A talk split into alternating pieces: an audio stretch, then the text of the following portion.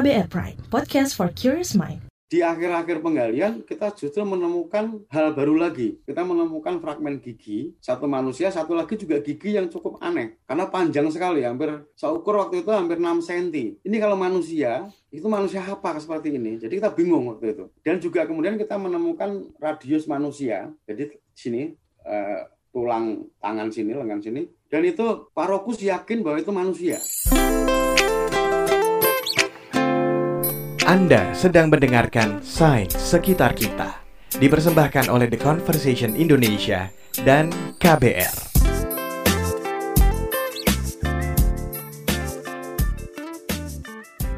Halo everybody, kita ketemu lagi di Sains Sekitar Kita season kedua dan di episode kali ini tidak berbeda dengan yang sebelumnya. Saya masih sama dengan Lutfi dari TCID dan kita membahas tentang kisah peneliti Indonesia dan juga hasil penelitiannya yang luar biasa. Halo Naomi, apa kabar? Kita Baik sekarang dong. udah di episode terakhir ya, ini untuk eh, Sains Sekitar Kita season kedua. Uhuhu, nggak kerasa ya? Iya sih, bener-bener. Ya, tapi jangan khawatir. Di episode terakhir ini, aku tetap Mhm. punya kisah peneliti Indonesia yang pastinya nggak kalah menarik. Nah, sebelum kita mulai ngebahas peneliti di episode kali ini, aku ada pertanyaan nih buat kamu. Wah, apa tuh? Menurutmu, kira-kira nenek moyang kita itu siapa sih? Jangan bilang seorang pelaut ya. Ya, baru mau aku bilang, kalau di lagu kan gitu tuh. Nenek moyangku seorang pelaut kan gitu. Tapi bentar-bentar, aku inget nih. Kalau di pelajaran SMP, kalau nggak salah sih ya, kalau nggak salah loh, guru sejarah itu biasanya ada nyebut eh, soal manusia purba. Ada banyak istilahnya kayak Homo erectus, Pithecanthropus erectus. Tapi aku lupa sih bedanya apa aja. Ya, jadi kan sejak dulu para ilmuwan tuh kayak misalnya arkeolog atau paleontolog banyak nemuin fosil manusia purba ya. Misalnya kayak eh, Homo erectus yang kita pelajari waktu SMP itu. Walaupun eh, tadi sebenarnya bedanya tuh nggak ada sih sebenarnya kan dulu ditemuin misalnya Pithecanthropus erectus di Trinil terus Meganthropus eh, apa di Sangiran ada juga satu nemuin di China terus kayak fisiknya mirip-mirip gitu kan terus di- dijadiin satu namanya Homo erectus. Sebenarnya jadi eh, nggak terlalu beda gitu. Berbagai penemuan fosil manusia purba kayak Erectus tadi itu membantu kita memahami proses evolusi manusia dulu kayak gimana dan jalur migrasinya dari satu tempat ke tempat lain.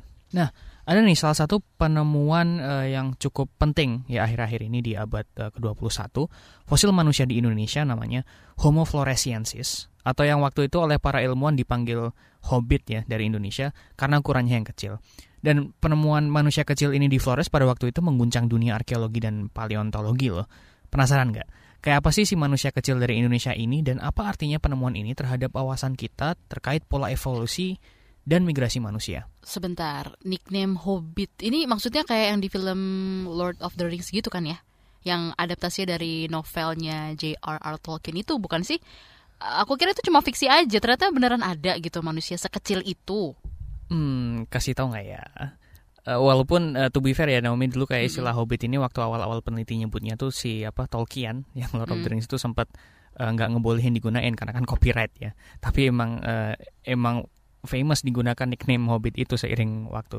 Aku ingin ajak kamu dengerin dongeng nih tentang si Hobbit ini langsung dari eh, tim peneliti legendaris yang menemukan eh, pertama kali menemukan si Hobbit ini di Flores. Aku kemarin ngobrol-ngobrol seru banget dengan salah satu anggota tim tersebut.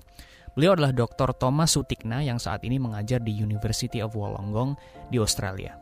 Nama saya Thomas Sutikna, saya seorang arkeolog yang pada saat ini kebetulan bekerja sebagai seorang peneliti di Universitas Wollongong, tepatnya di Center of Excellence for Australian Biodiversity and Heritage, yang kadang-kadang disingkat KABAH, dan juga saya ada di Center for Archaeological Science atau CAS, yaitu unit penelitian yang fokus pada apa ya penerapan sains dalam penelitian arkeologi.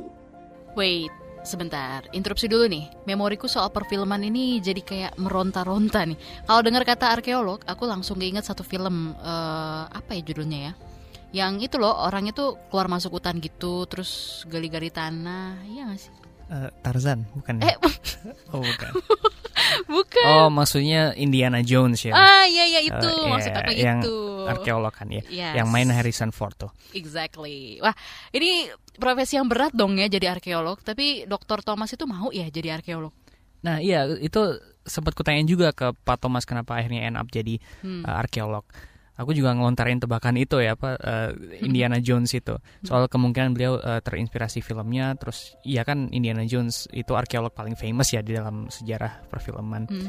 Tapi ternyata nggak sesimpel itu, Naomi. Beliau punya alasan yang sangat-sangat mulia. Mungkin kehadiran film kayak Indiana, Indiana Jones itu juga menjadi yang rilis tahun 81 kalau nggak salah ya awal-awalnya. ya. Itu mungkin banyak menjadi pemicu bagi para arkeolog untuk lebih giat lagi. Eh, walaupun sebenarnya pada kenyataannya lah itu penelitian arkeologi tidaklah semudah seperti apa yang kita lihat di film ya karena kita berkaitan dengan eh, jejak kehidupan manusia di masa lalu yang sudah punah dan juga tertimbun tanah dan sebagainya.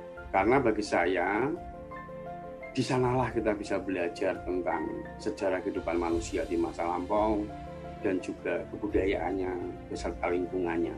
Karena pemahaman yang baik terhadap sejarah kehidupan manusia di masa lalu menurut hemat saya akan menjadi bekal bagi kita untuk menjalani kehidupan eh, di masa sekarang ini. Dan kehidupan di masa sekarang ini akan kita jadikan bekal untuk menjadi apa ya fondasi untuk menyiapkan kehidupan manusia di masa depan yang lebih baik. Keren ya? So ya, Iya jadi ya. dulu beliau waktu kuliah suka banget sama sejarah kuno dan akhirnya mendalami arkeologi dengan lebih dalam lagi waktu masters dan PhD. Aku kok sering bingung ya bedanya arkeologi sama satu lagi tuh yang kamu sebut juga paleontologi. Terus ada juga lah yang gigi-gigi yang lainnya gitu. Iya benar. Eh, kalau misalnya arkeologi kan kita eh, terbayang Indiana Jones ya. Hmm. Terus kalau mungkin kamu suka nonton serial Friends, misal di Netflix kan, itu kan ada salah satu apa karakternya si Ross itu kan juga si- dia Hmm. suka dinosaurus, apa dia kan seorang paleontologis gitu. Sebenarnya bedanya apa sih? Sebenarnya mereka sama-sama eh, studying apa kayak sisa-sisa remains fosil eh, makhluk hidup manusia kayak gitu. Tapi eh, kalau arkeologi itu lebih fokus ke dari mi- misalnya sisa-sisa itu kemudian mempelajari budayanya kayak Hmm. culture-nya, human activity-nya. Sementara paleontologi itu lebih fokus kepada eh, karakteristik ciri-ciri biologis evolusi dari makhluk hidup itu. Gitu. Jadi kayak eh, yang di study itu kadang ber apa ya, overlap gitu tapi Hmm. tujuan besarnya sedikit berbeda walaupun mereka sama-sama kadang sering kerja bareng di lapangan gitu. Oke, jadi gitu bedanya. Nah, sekarang ceritain dong gimana coba awalnya si Dr. Thomas itu sampai terlibat di salah satu penemuan fosil manusia terpenting di abad 21. Oke, biar runut nih ya. Mm-mm. Aku mau mulai dulu dari pertanyaan. Memangnya sebelum Homo florensius ini, sebelum ditemukan si Hobbit tadi itu, pengetahuan kita tentang manusia di Indonesia tuh kayak gimana sih? Jadi Naomi, ternyata sebelum ditemukannya si Hobbit ini, si Homo floresiensis ini, kita tuh hanya mengenal dua spesies manusia di Indonesia. Yang satu adalah manusia purba, Homo erectus tadi yang yang di apa di Trinil di Sangiran tadi itu berdasarkan eh, riset itu sekitar 1,3 juta sampai 600 ribu tahun yang lalu. Mm-mm. Dan yang kedua adalah manusia modern atau uh, Homo sapiens ya, as early as sekitar 70 ribu tahun yang lalu kali ya. Nah untuk manusia purba si Homo erectus ini, ilmuwan meyakini mereka itu ke Indonesia itu nggak pernah menyeberang melewati lebih dari Pulau Jawa. Karena setelah Bali itu kan harus melewati lautan dalam ya, padahal waktu itu mereka belum uh, punya kompetensi dan skill untuk berlayar gitu. Jadi sejak zaman selama sejarah bumi ini di Kepulauan Indonesia terutama ya itu sebenarnya dibagi tiga ya. Ketika zaman es, zaman zaman glasial itu permukaan arut air laut itu turun sampai 120 meter. Sehingga laut-laut dangkal seperti yang lautan Cina Selatan, Laut Jawa itu eh, kering sehingga menjadi Bisa menyeberang. Eh, ya yang disebut paparan Sunda atau apa apa ya eh, apa- ya Sunda self gitu sehingga itu menjadi tempat kayak savana itu menjadi media untuk menyeberang dari rasa daratan ke ke ke mana? Ke Jawa dan sekitarnya. Sementara di Indonesia bagian timur antara eh, Irian antara Papua dengan Australia itu juga bersatu. Karena lautan Arafuru juga dangkal sehingga menjadi daratan. Sehingga kita nggak heran kalau kita temukan di Papua itu ada kangguru juga. Ketika itu karena memang mereka bisa menyeberang ke sana. Tetapi di bagian tengah Kepulauan Indonesia yang kemudian lebih dikenal dengan Walesia itu se- selama sejarahnya tidak pernah bersatu karena di dikelilingi oleh palung, oleh laut-laut dalam, mulai dari Sulawesi, Maluku, dan kemudian NTT, NTB itu nggak pernah. Sehingga dulu sebelum kita temukan Homo floresiensis, pengetahuan kita hanya berhenti sampai di Jawa. Ya, untuk manusia purba itu stop sampai Jawa. Baru manusia modern diyakini bisa menyeberang sampai ke Walesia hingga sampai ke Australia bahkan ke pulau-pulau Oceania yang lain karena mereka sudah memiliki kemampuan atau kognisi yang lebih baik menggunakan kapal-kapal atau perahu-perahu tradisi apa perahu-perahu sederhana. Hmm. Nah, tapi uniknya nih, pada sekitar tahun 70-an ada seorang arkeolog bernama Theodore Verhoeven yang kebetulan juga seorang pastor di Flores ya. Beliau menemukan beberapa alat batu bersamaan dengan eh, sisa-sisa gajah purba atau yang disebut dengan stegodon di Flores. Beliau mengatakan bahwa kemungkinan Homo erectus sudah sampai Flores. Tapi tahun-tahun itu tidak ada satupun yang percaya. Ya, di seluruh dunia nggak ada yang percaya. Semua ilmuwan nggak ada yang percaya karena tidak mungkin Homo floresiensis apa uh, Homo erectus memiliki kemampuan untuk bisa menyeberang ke sana. Wah, padahal itu penemuan yang penting banget ya. Tapi mungkin uh, karena waktu itu data-data pendukungnya belum banyak kali ya, jadi mayoritas ilmuwan juga nggak langsung heboh, terus berbondong-bondong Flores gitu kali ya. Iya, tapi beberapa dekade kemudian, hmm. penemuan ini menarik perhatian Profesor Mike Morwood yang waktu itu di University of New England di Australia untuk mengkonfirmasi lebih lanjut nih. Akhirnya, kemudian bersama dengan beberapa peneliti Indonesia, mereka melakukan ekskavasi besar di lembah Soa Flores Tengah. Itu tuh di lokasi di mana tadi uh, Pastor Verhoeven dulu melakukan penelitian. Dan benar, mereka menemukan artefak batu lagi dalam kondisi yang bagus dan juga dengan gajah purba stegodon lagi. Yang penting lagi mereka berhasil melakukan analisis pertanggalan. Dan hasilnya adalah sekitar 800 ribu tahun yang lalu. Artinya ini sudah selevel dengan yang ada di Sangiran. Nah, Bermula dari itulah maka kemudian setelah dipublikasikan pada tahun berapa ya 9899 oleh Profesor Morwood waktu itu bersama Profesor uh, itu kemudian menarik perhatian dunia juga waktu itu walaupun kita belum menemukan manusianya Oh, makin seru nih. Ternyata memang benar ya, ada indikasi aktivitas manusia di periode yang cukup purba di Flores. Bahkan diperkirakan setua Homo erectus dong ya. Wah ini pasti mereka yang terjun langsung ke Flores waktu itu happy banget dong bisa ngeliat sendiri buktinya. Ya tapi mereka perlu mengkonfirmasi ini dengan lebih lanjut lagi ya namanya juga ilmuwan ya kalau hmm. mengumumkan sesuatu itu kan harus pembuktiannya harus kuat banget ya dan pengen lihat sendiri. Jadi setelah itu mereka ingin melakukan penelitian lebih lanjut tapi mereka nyari lokasi gua gitu. Karena kalau yang tadi itu lembah Soa itu kan situs terbuka ya. Hmm. Artinya banyak terjadi mungkin terjadi transformasi lingkungan, mungkin tingkat kerusakan dan decay-nya itu tinggi. Jadi mereka ingin melakukan penggalian atau ekskavasi di gua, langsung di rumahnya manusia purba itu sendiri gitulah istilahnya. Nah akhirnya situs yang dipilih adalah Gua Liang Bua, yang sekarang terkenal menjadi tempat ditemukannya Homo floresiensis. Wah, pasti penasaran kan nih pendengar science lovers. Gimana ceritanya detik-detik penemuan hobbit di gua ini?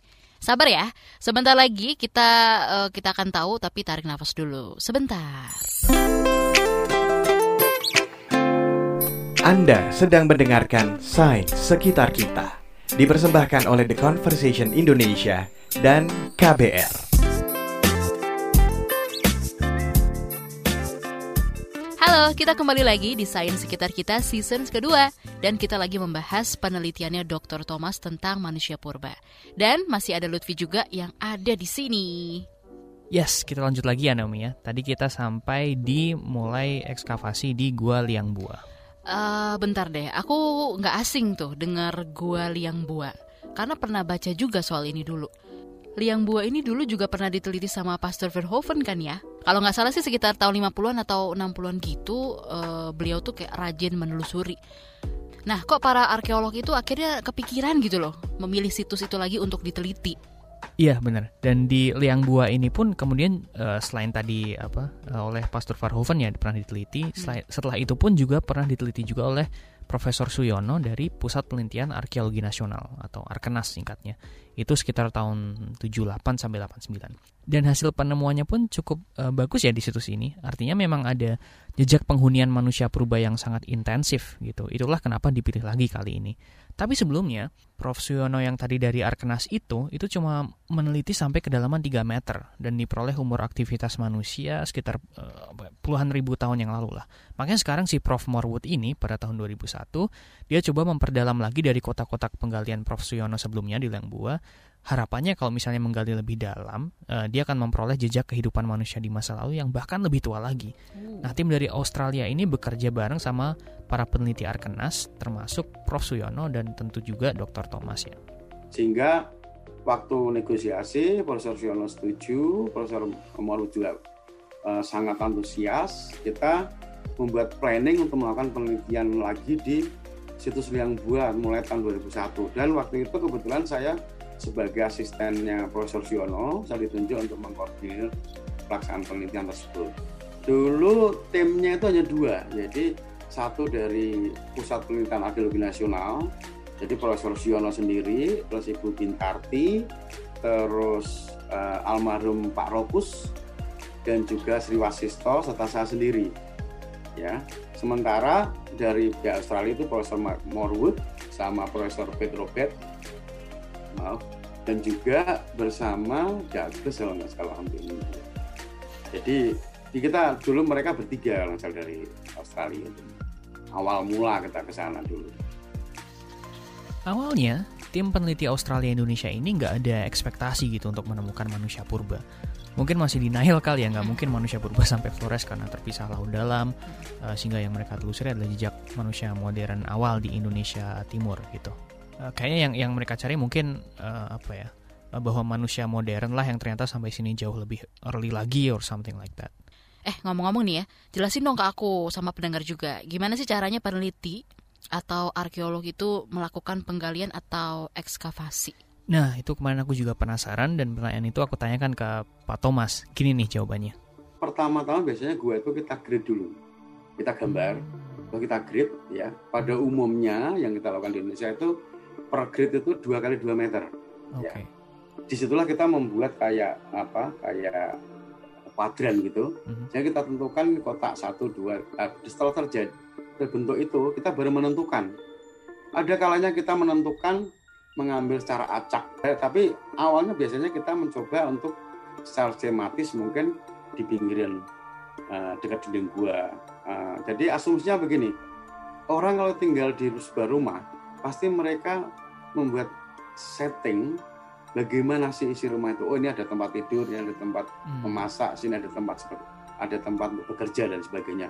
Jadi kita berasumsi seperti itu. Sehingga yang pertama kita lakukan kadang-kadang kita di bagian tengah gua ya sebagai center untuk activity maupun di bagian pinggir gua dekat dekat uh, dinding-dinding gua atau bagian belakang. Ekskavasinya kita menggunakan uh, biasanya menggunakan gabungan antara teknik speed dan layer. Teknik speed itu kita menggali dengan interval kedalaman tertentu.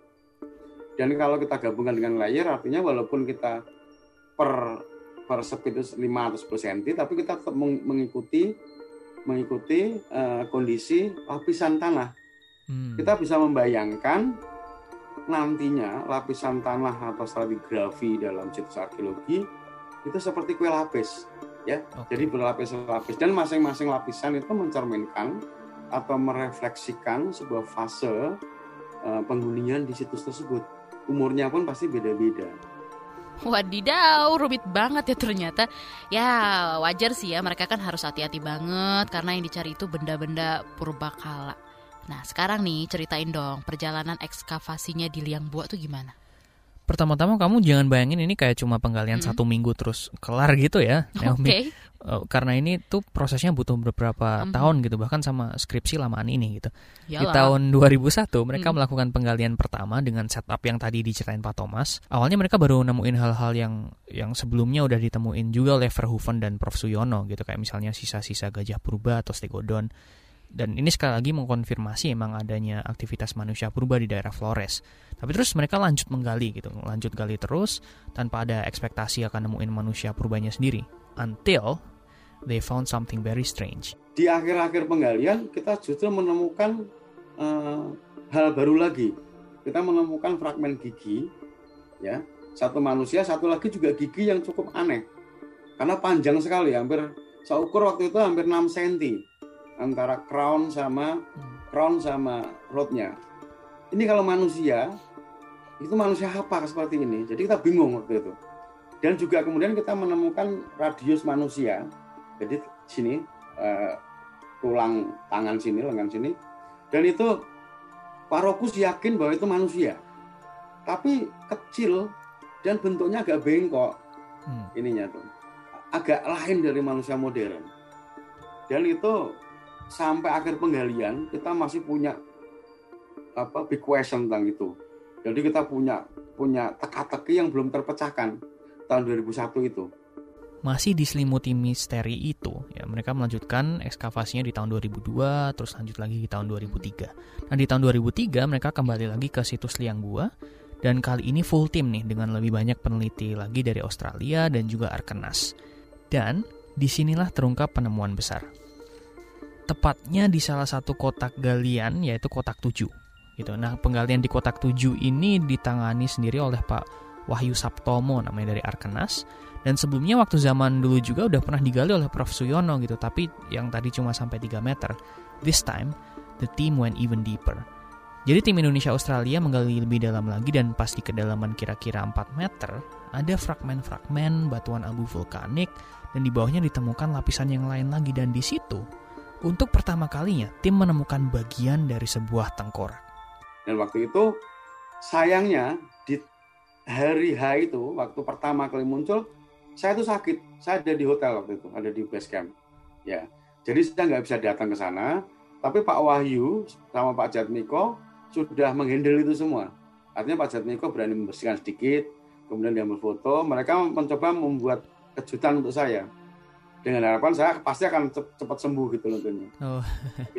Jadi memang betul setelah sore itu datang eh, Pak Wahyu memberikan foto-foto itu walaupun Pak Wahyu sebenarnya mau menunggu sampai besoknya tapi sudah nggak tahan sama Pak Jatmiko untuk menggoda saya waktu itu sehingga waktu itu, malam itu juga saya nggak bisa tidur karena ya karena cepat-cepat pengen kembali ke gua untuk mengecek itu apa sebenarnya tapi sembuh beneran nggak Pak? sembuh beneran karena dari obat dari dokter itu jadi sangat manjur sekali jadi betul-betul itu suatu hal yang yang yang kayak mujizat lah waktu itu. Wah, Dokter Thomas langsung sembuh. Jadi peneliti kalau sakit obatnya kayak gitu dong ya? Mujarab banget dong. Kalau kamu sakit dikasih apa Naomi?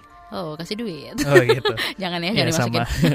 okay. Anyway, well, uniknya waktu pertama ditemuin tim mengira ini tuh tengkorak anak-anak gitu karena ukurannya tuh cukup kecil gitu. Jadi mereka harus uh, meneliti lebih lanjut dulu uh, tapi untuk mengkonfirmasi ini.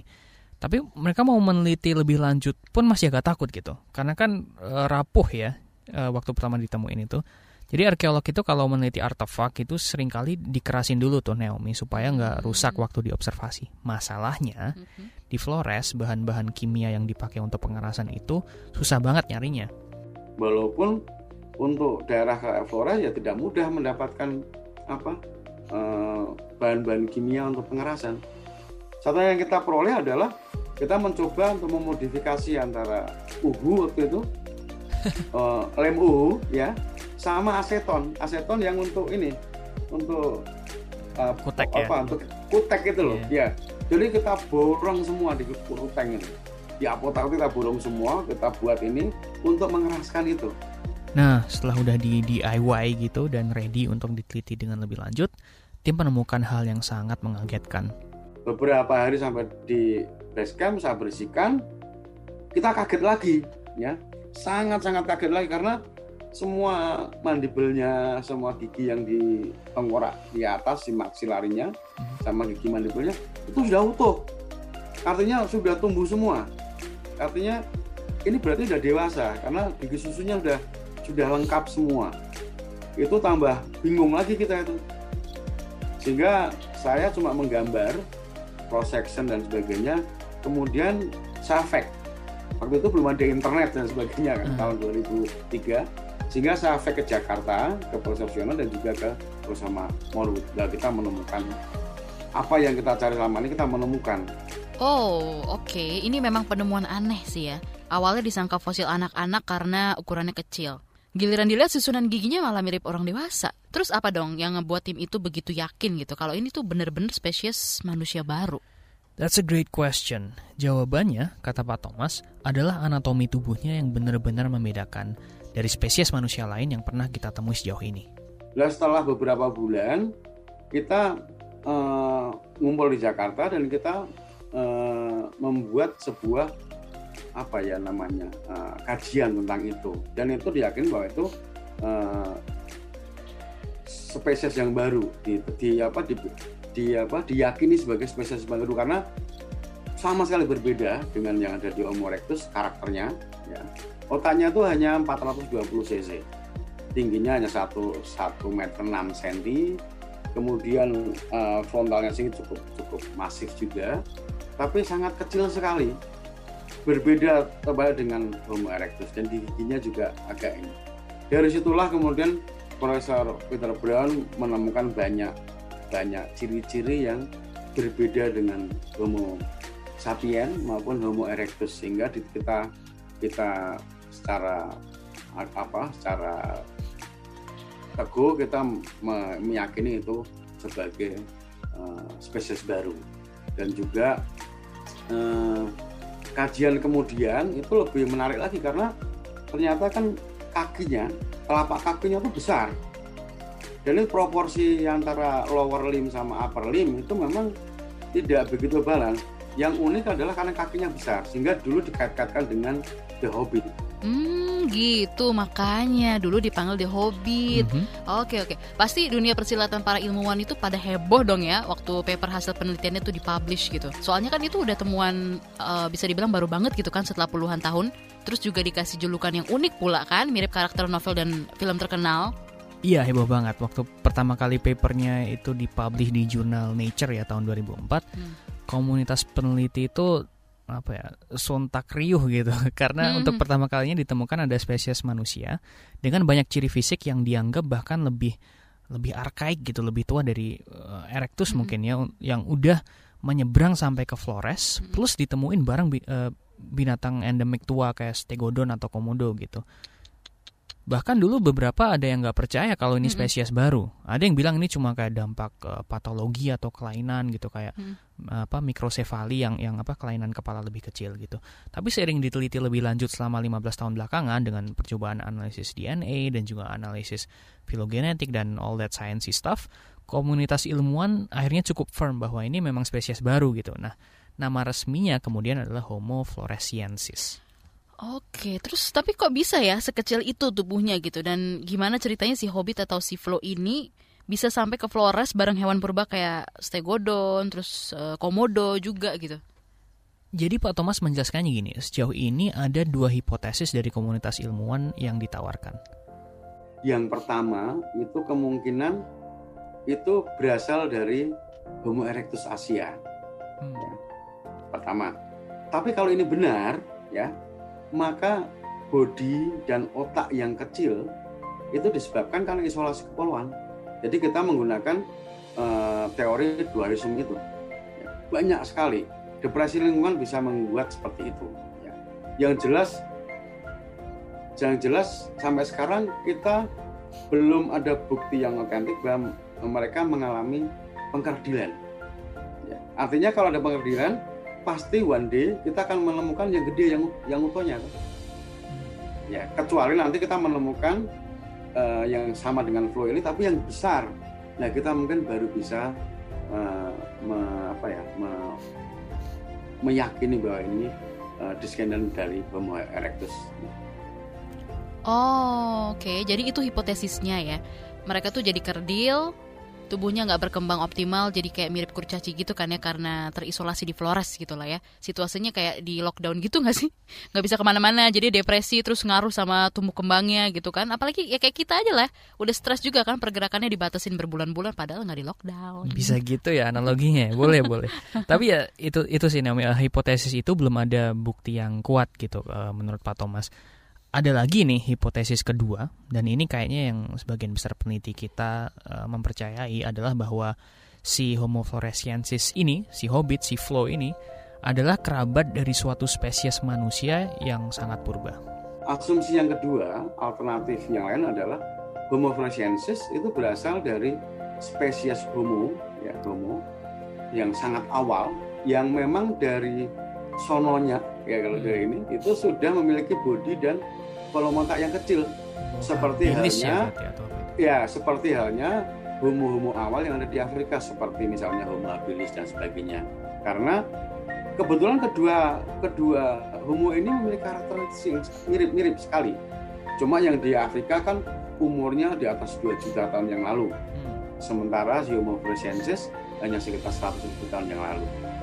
Tapi kita harus ingat bahwa dalam eh, beberapa tahun yang lalu kita juga temukan gigi geligi dan juga fragmen tulang-tulang yang memang mirip dengan Homo floresiensis yang ditemukan di Shoah Basin di lembah Shoah itu di Flores Tengah.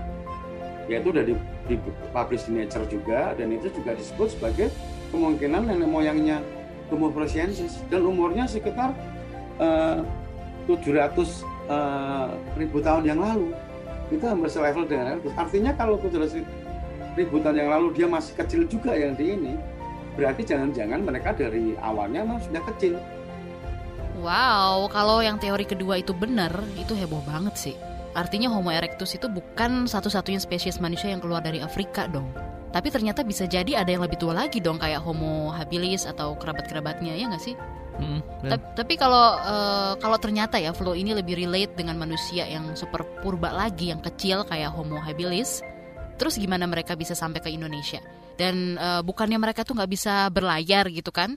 Ini ini bisa dibilang beberapa pertanyaan yang muncul di kepalaku tiba-tiba nih. muncul di kepalaku juga waktu interview dengan Pak Thomas kemarin. Dan eh, jawaban Pak Thomas untuk pertanyaan-pertanyaan tersebut yang menurutku cukup mencerahkan itu seperti ini. Pasti datangnya lah ketika eh, fluktuasi permukaan air laut itu turun. Oke. Karena itu kan naik turun ketika ada glasial ketika zaman es kemudian anta ada interglasial ketika es mencair kembali. Nah, mungkin mereka hijrahnya itu. Kalau itu memang benar dari dari homo yang lebih tua lagi, artinya persebaran manusia purba dari Afrika ke ke hingga ke Asia Tenggara itu sebelum Erectus sudah ada persebaran. Jadi temuan-temuan kayak Homo uh, floresiensis yang di Flores ini sangat menarik kalau memang itu betul berasal dari Homo yang lebih tua daripada Homo erectus. Sangat menarik. Dan kita harus ingat akhir-akhir ini kan ditemukan juga yang ada di Luzon di Filipina. Hmm, Ya, ya. ada Homo luzonensis. Ya kebetulan eh, kolega juga kita mereka juga komparasi dengan eh, Homo floresiensis dan memang memiliki karakteristik yang sama. Tapi mereka menganggap bahwa itu eh, spesies yang yang baru juga untuk ininya tapi itu kecil juga. Artinya artinya ada kemungkinan bahwa jangan-jangan dulu juga juga berasal dari Homo awal yang memang dari sononya udah kecil. Kita belum tahu sampai sekarang. So, itulah beberapa cara penemuan si hobbit yang legendaris ini mengubah wawasan komunitas peneliti tentang pola evolusi dan pola migrasi manusia di dunia, dan juga akhirnya ke Indonesia. Tapi seperti yang Pak Thomas tadi katakan, masih ada banyak misteri yang perlu diungkapkan. Eh, so, as a final question, kemarin itu aku nanya ke beliau, riset apa lagi yang mau diperdalam tentang Homo floresiensis dan manusia purba lainnya? kita mencoba untuk menelusuri kemungkinan Homo floresiensis di tempat lain. Kalau Homo floresiensis sudah berhasil menginjakkan kakinya di Flores, artinya entah itu le- lewat jalur barat maupun jalur utara, dalam arti dari Sulawesi ataupun barat dari Jawa, mau nggak mau jejak mereka pasti akan kita temukan di pulau-pulau di antara itu. Karena kalau seandainya kita tahu ada di tempat lain akan lebih mudah bagi kita untuk melakukan tracing. Ini loh, migrasi Homo floresiensis dari barat ke timur atau dari utara ke selatan. Jadi kita jelas. Sampai sekarang kita belum jujur aja kita belum bisa menjawab dari mana karena dua-duanya memiliki eh, apa ya memiliki eh, reason yang cukup kuat dua-duanya dari barat maupun dari timur dari utara gitu.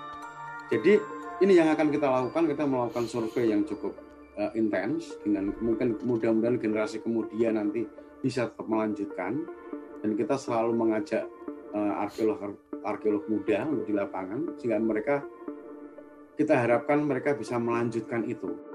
Ih tercengang loh aku, ini keren banget ya. Jadi nanti suatu saat ketika anakku udah belajar sejarah di sekolah gitu Aku mau kasih denger dia untuk dengerin podcast ini. Kalian juga ya guys ya, edukatif banget loh ini. Siapa tahu banyak anak yang jadi terinspirasi pengen jadi arkeolog. Terus nanti ngelanjutin tongkat estafet dari Dr. Thomas. Amin. Iya ben- bener banget. Aku kebetulan suka banget sama episode ini Naomi. Karena kalau misalnya kamu ingat dulu waktu zaman SMP itu kan kita kayak cuma dilemparin nama terus dihafal gitu Hmm, kayak hmm. Pithecanthropus, Meganthropus ditemuin di sini yang nemuin kayak gini tapi kayak kita nggak dikasih big picture-nya gitu kayak artinya apa sih ini Hmm. gitu kayak terus artinya buat pola evolusi pola migrasi kayak gimana jadi kayak ini asik banget buat eh, apa siswa buat guru juga dan buat masyarakat secara umum Betul setuju. Anyway, Naomi Ya. dan eh, pendengar science lovers semua, tuntas sudah nih perjalanan kita berbicara dan bercerita tentang kisah para peneliti Indonesia. Indonesia tuh emang keren ya, banyak sebenarnya peneliti-peneliti kita yang bisa apa ya eh, menawarkan perspektif dan penelitian yang eye opening. Iya Lutfi, semoga ya apa yang kita sajikan di sains sekitar kita ini punya manfaat untuk semua pendengar. Amin. Nah tapi episode paripurna season 2 ini bukan berarti akhir dari segalanya kan ya? Iya nggak ya? Kalian nih guys kalau tiba-tiba kangen sama kita gitu kan, terus pingin kasih ide-ide cemerlang tentang sains, pingin kasih kita transferan uang juga nggak apa-apa. Oh enggak ya? Amin. Aku aminin yang itu aja. Oke, jangan pernah ragu ya, kirim lewat email ke podcast@kbrprime.id. Saya Naomi, Dan saya Lutfi. undur diri. Bye-bye. Bye.